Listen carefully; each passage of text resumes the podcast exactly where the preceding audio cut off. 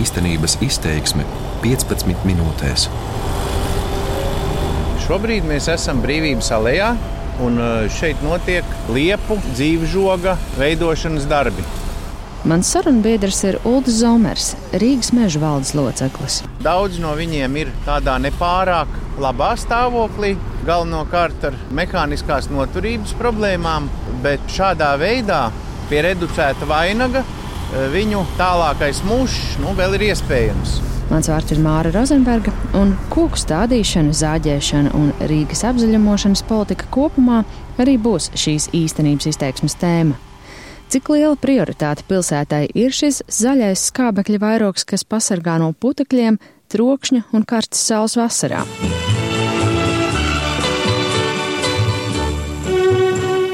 Rīga, parku un dārzu pilsēta, mēs tā sakām. Un mums tā saka, slavē mūs, un mēs paši sevi slavinām, un no šīs slavināšanas reikstam kā teteru gaļi riesta laikā. Paskatīsimies uz saviem zaļumiem ar vēsāku prātu. Tas ir fragments no 1980. gada kino žurnāla Padomju Latvija, kad propagandas pārsātinātajos rullīšos sāk ielausties pirmā kritika.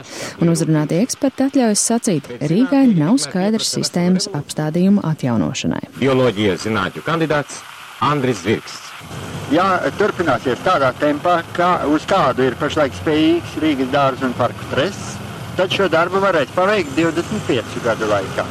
Pa to laiku bez šaubām vesela rinda liepas jau būs nobeigušās, nokautušās. Un, ja rinda vairs neeksistē, tad līdz ar to ielas stādījums pats kā tāds jau arī beidz eksistēt. Lūk, tas ir varbūt pats galvenais. Kopš kādreizējā Rīgas galvenā dārznieka Andras Birgsda to laik teiktā pagājuši te 40 gadi. Galvenā dārznieka amata Rīgā vairs nav, bet galvenais atbildīgais par Rīgas apstādījumiem ir pašvaldības kapitāla sabiedrība Rīgas meži un tās pāraugs mājokļu un vidas departaments. Evija Piņķe, Rīgas domas mājokļu un vidas departamenta vidas pārvaldes priekšniece.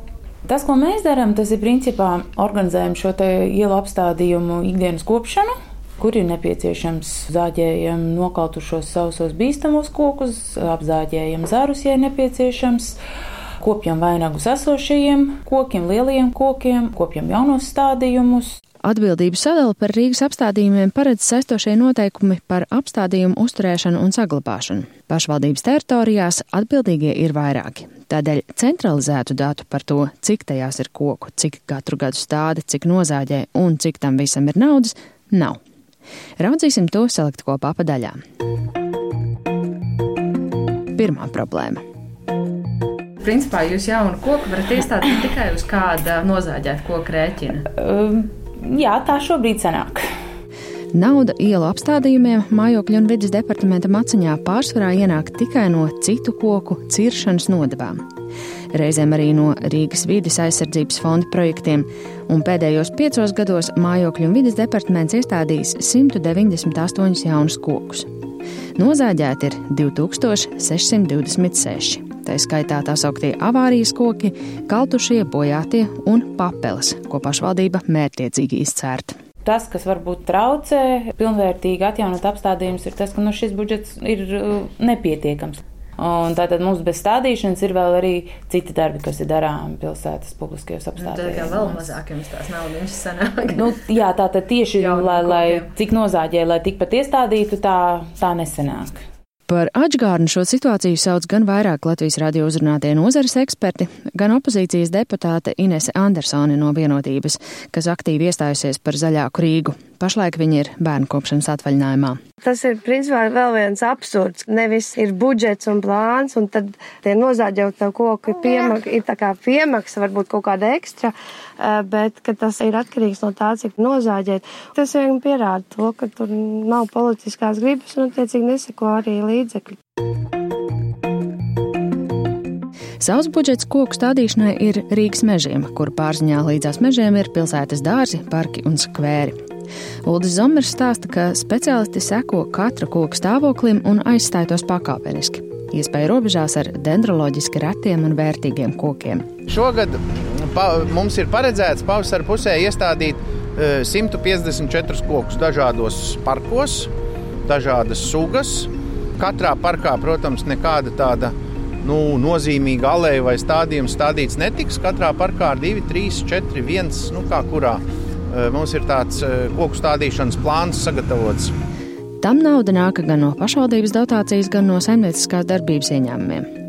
Jaunu ielu izbūvēja savukārt par apstādījumiem atbild Rīgas domas satiksmes departaments. Mēs stādām kokus tad, kad ir liels kārtīgs pārbūves projekts kur jau ir sākotnēji tātad paredzēts visas vietas, ieprojektēt koki, stādījumu, tad, eh, tad departaments veids šo stādījumu, nu, precīzāk būvniecības, ar ko departamentam ir līgums. Tā ir Beata Dambīta, kuras satiksmes departamentā vada plānošanas un projektēšanas organizēšanas nodaļu.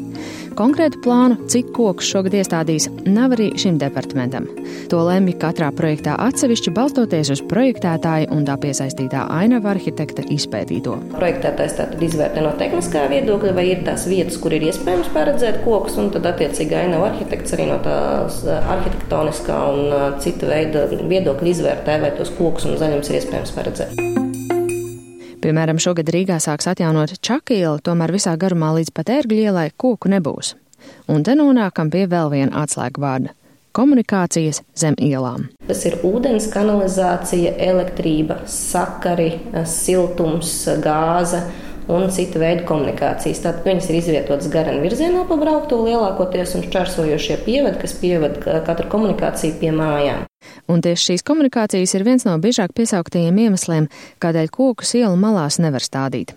Dambīts skaidro, ka to ierobežo gan aizsargjosla likums, gan gluži vienkārši kokam pieejamais zemes tilpums. Iela ir tā vieta, publiskā telpa, kur visi grib visu. Un nevienmēr būs tā, ka visam varēs atrast to vietu, un kas ir loģiski. Un es saku, šeit nav jautājums, ka kāds varbūt negrib vai iespītējās speciāli, bet tas ir tiešām tāds uh, loģisks apsvērums, ka nu nevar iestādīt koku, ja apakšā iet gāzes vats. Mani sauc Gudo Leiburgs. Īsumā esmu koku eksperts, bet visāds tāds meža inženieris, diplomāts dārznieks, arborists, dendrologs, uh, dabas eksperts. Tā galvenā atruna. Protams, mēs nevaram stādīt kokus, jo ir komunikācijas. Un šajā situācijā, protams, ja ļoti, ļoti grib, tad, tad izrādās, ka var. Šī situācija, par ko runā Leiburgs, ir kāda banķiera privāta iniciatīva pirms vairākiem gadiem sastādīt kokus Elizabetes ielā. To veica Leiburga uzņēmums Koku eksperts. Mēs iestādījām nemaldos astoņas Holandas liepas Elizabetes ielā. Stumbra apkārtmērs bija 35-40 cm, un koku augstums bija ap 6 metriem. Koki bija lielāki nekā rocība atļauj stādīt pašvaldībai. Katra koka iestādīšana izmaksāja vairākus tūkstošus eiro un tie tika iestādīti virs komunikācijām. Tas gan nav ļoti nozīmīgs komunikācijas, tas ir eh, lietas ūdens kanalizācija, bet nu, tomēr tieši līdz ar būvbedres malu iet arī elektrokabeļi. Bet uh, mūsdienu tehnoloģijas ļauj, ļauj stādīt kokus tieši gar komunikācijām, atsevišķos gadījumos uz komunikācijām, jo ir izmantojami dažādi pretsakņu aizsardzības materiāli, pretsakņu aizsardzības plēves, paneļi un tā tālāk, kas ierobežo, teiksim, sakņu augšanu konkrētā virzienā. Kā atzīst pašvaldības vidas pārvaldes priekšniece Evija Piņķe, šādi individuāli risinājumi, piemēram, speciāla apakšzemes tilpuma izbūve kokam, pilsētai vienkārši nav pa kabatai. Tur iet runa nevis par stāda iepirkšanu un, un iestādīšanas izmaksām, kas būtu simtos eiro, bet, uh, ja būvē šo te uh, sakņu zonu izbūvē, uh, tad tie ir vairāki tūkstoši uz katru koku. Un turpinām ar nākamo atslēgu vārdu un tā ir iedzīvotāju aktivitāte.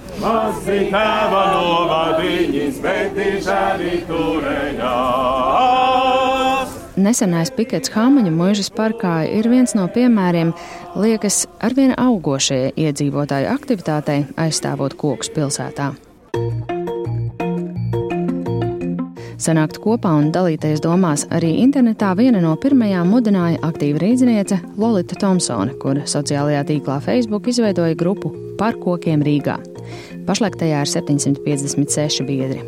Tomsona atzīst, ka reizēm pārņem bezspēcība, jo ir sajūta, ka iedzīvotājus īpaši galvā neņem. Un tas ir tas, kas ir ļoti smagi, ka cilvēki ir iznākuši ielās, ir savākuši parakstus. Viņi tiešām cenšas iesaistīties, un tad, kad tu redzi, ka tas netiek ņemts vērā, tad liekas, ko priekš kam. Tam gan negrib piekrist Rīgas būvvaldē, kas izsniedz atļaujas koku ciršanai ārpus meža. papildus spiediens varot vairot iespēju, ka būvniecības skice tiks pārskatīta, kā tas esot bijis piemēram pļavnieku veikala Lidl gadījumā, kur vietējie pret apmēram 40 koku izciršanu savāca vairāk nekā tūkstoti parakstu apstādījuma inspekcijas vadītāja vietnieks Viesturs Freimans. Iedzīvotāji iespējams tā neuzskata, bet nu, komisijas ieskatā vismaz kompromiss tika rasts. Saglabāja gandrīz pusi no sākotnēji plānotiem kokiem, cirst, cirst plānotajiem. Un e, tika paredzēts bērnu laukuma izbūve, jaunu koku stādījumi, kas tātad skaitliski ir lielāks nekā izcērtamo koku skaits. Rīgas būvvalde ik gadu izsniedz apmēram 3000 koku ciršanas atļauju, bet ap 400 noraida. Freimans gan uzsver, ka reāli tiek nocirsta viena apmēram ceturtā daļa, vismaz tā liecinot samaksāto nodevu apjoms. Nodeva var būt ļoti dažāda - no pārdesmit līdz pat vairāk nekā tūkstotim eiro, atkarībā no koka sugas, lieluma, atrašanās vietas un citiem kritērijiem. Nākamais pieturpunkts Rīgas apstādījumu atjaunošanai trūkst vienotas sistēmas. Man ir tik ļoti daudz runājumu par šo tēmu, ka es labprāt gribētu izveidot uh, podkāstu, vai tāpēc, ka viņa nav izrunājama īsā intervijā. Ainava arhitekte Helēna Gūtmane no uzņēmuma Alps par Rīgas apzaļumošanas problēmām patiesi varētu runāt stundām. Viņa daudz sadarbojasies ar pašvaldību, tostarp baronielas atjaunošanā, un secina, visi, kuri ir atbildīgi par noteiktām darbībām, dabas pārvaldē, satiksmes departaments kaut ko dara Rīgas dārzu un parku nodaļā, Rīgas mežos, kuri vienkārši burvīgi, ļoti profesionāli, ļoti labi dara savus darbus. Ir arī citas institūcijas, kuras ņem rūp par to, bet nav sistēmas, un tāpēc ir ļoti daudzas lietas, kuras izkrīt no seduma no visiem darbiem, kas ir jāpadara, lai uzturētu Rīgas apstādījumus savā labākajā formā. Uzņēmums Alps pērn pēc mājokļu un vidas departamenta pasūtījuma izstrādājis dokumentu, ko Gutmeni sauc par Rīgas vēsturiskā centra zaļas infrastruktūras atjaunošanas rokas grāmatu. Tas ir tāds formāts, kurš eh, nav saistošs juridiski, bet kurš varētu palīdzēt saprast, kas mums ir jādara Rīgā. Taču vēlāk sarunā ar mājokļu un vidas departamenta vidas pārvaldes priekšnieci Eviju Piņķi nerodas iespējas, ka līdz šim šis dokuments būtu izgājis aktīvā apritē. Rīgas vēsturiskā centra zaļās infrastruktūras rokas grāmata. Es nezinu precīzi, kā tā saucas, bet eh, pirmā dzirdēšana. Ne mūsu departamenti. Noteikti, ka ne mūsu, varbūt ir attīstības departamenti. Dokumenta precīzais nosaukums ir Ieteikumi Rīgas zaļās infrastruktūras atjaunošanai un attīstībai. Departamentā vēlāk precizēja, ka par šo dokumentu atbildīgais speciālists tobrīd esot atvaļinājumā, bet pašu dokumentu šopavasar esot plānots prezentēt publiski. Sekosim līdzi. Bet vai par apzaļumošanas politiku atbildīgajiem šķiet, ka Rīga pašlaik ir gana zaļa? Evija Pīņķa. Man personīgi gribētos, jā, neviena atjaunot tur, kur tie koki ir auguši. Protams, ir daudz vietas pilsētā, ja sevišķi centrā, kur, kur gribētos veidot vispār jaunus stādījumus bet Beata Dambīta no satiksmes departamenta uzskata. Man tiešām liekas, ka Rīga ir salīdzinoši zaļa pilsēta, un es nesaskatu to kā būtiskāko problēmu, ka būtu pa maz zaļa. Rīgas meža valdes loceklis Ulris Zomers piekrīt. Pilsētas vēsturiskais centrs, es domāju, ir salīdzinājumā ar citām Eiropas pilsētām ļoti zaļš un pietiekami zaļš. Bet te dažas uzņēmuma koku eksperts īpašnieka Gvido Leiburga pārdomas. Mēs nevaram, protams, gribēt, lai Rīga pēc pāris gadiem būtu Londona vai Amsterdama, kas ir nu, Eiropas tādas zaļās, zaļās galvaspilsētas, vai kaut vai tāpat Berlīne. Bet dažus principus droši vien nebūtu slikti nodefinēt kaut vai pa pilsētas zonām, nodefinēt, kāds ir mūsu vēlamais, kādā konkrētā laika posmā sasniedzamais vainagu pārklājums procentuāli no kopējās platības. Cik mēs gribam kokus vecrīgā, cik mēs gribam klusajā centrā, cik mēs gribam mikrorajonos. Ja mēs nenospraudīsim tādus mērķus, tad mēs arī nekad nesasniegsim neko konkrētu. Redzot, ka koku Rīgā kļūst mazāk, aktīvākie iedzīvotāji publiskās vietās tos mēģinājuši stādīt paši, no pilsētas mēra saņemot vienu apzīmējumu - pajūliņa. Eksperti aicina stādīšanu atstāt profesionāļiem, bet tam, kā redzams, vienmēr naudas nepietiek. Varbūt pašvaldībai jāatver ziedojuma konts. Iedzīvotāji teica, būtu jauki, ja pašvaldība beigtu bārt tos, kas vēlas iesaistīties kā proti, bet, piemēram, sarīkotu kursus, kā pareizāk kopt pagalmu stādījumus. Tomēr pašlaik nākas secināt, ka koki Rīgas politisko prioritāšu sarakstā nav pārāk augstu. Jau 15 gadu Rīgā vairs nav galvenā dārznieka vai galvenā ainava arhitekta amata. Pietrūkst strateģiska redzējuma un vienotas sistēmas zaļās infrastruktūras atjaunošanai. Centrālajā brīvības gatvē šopavasar plāno nozāģēt 27 nokautušus kokus. Cik iestādīs vietā, pašlaik nav zināms.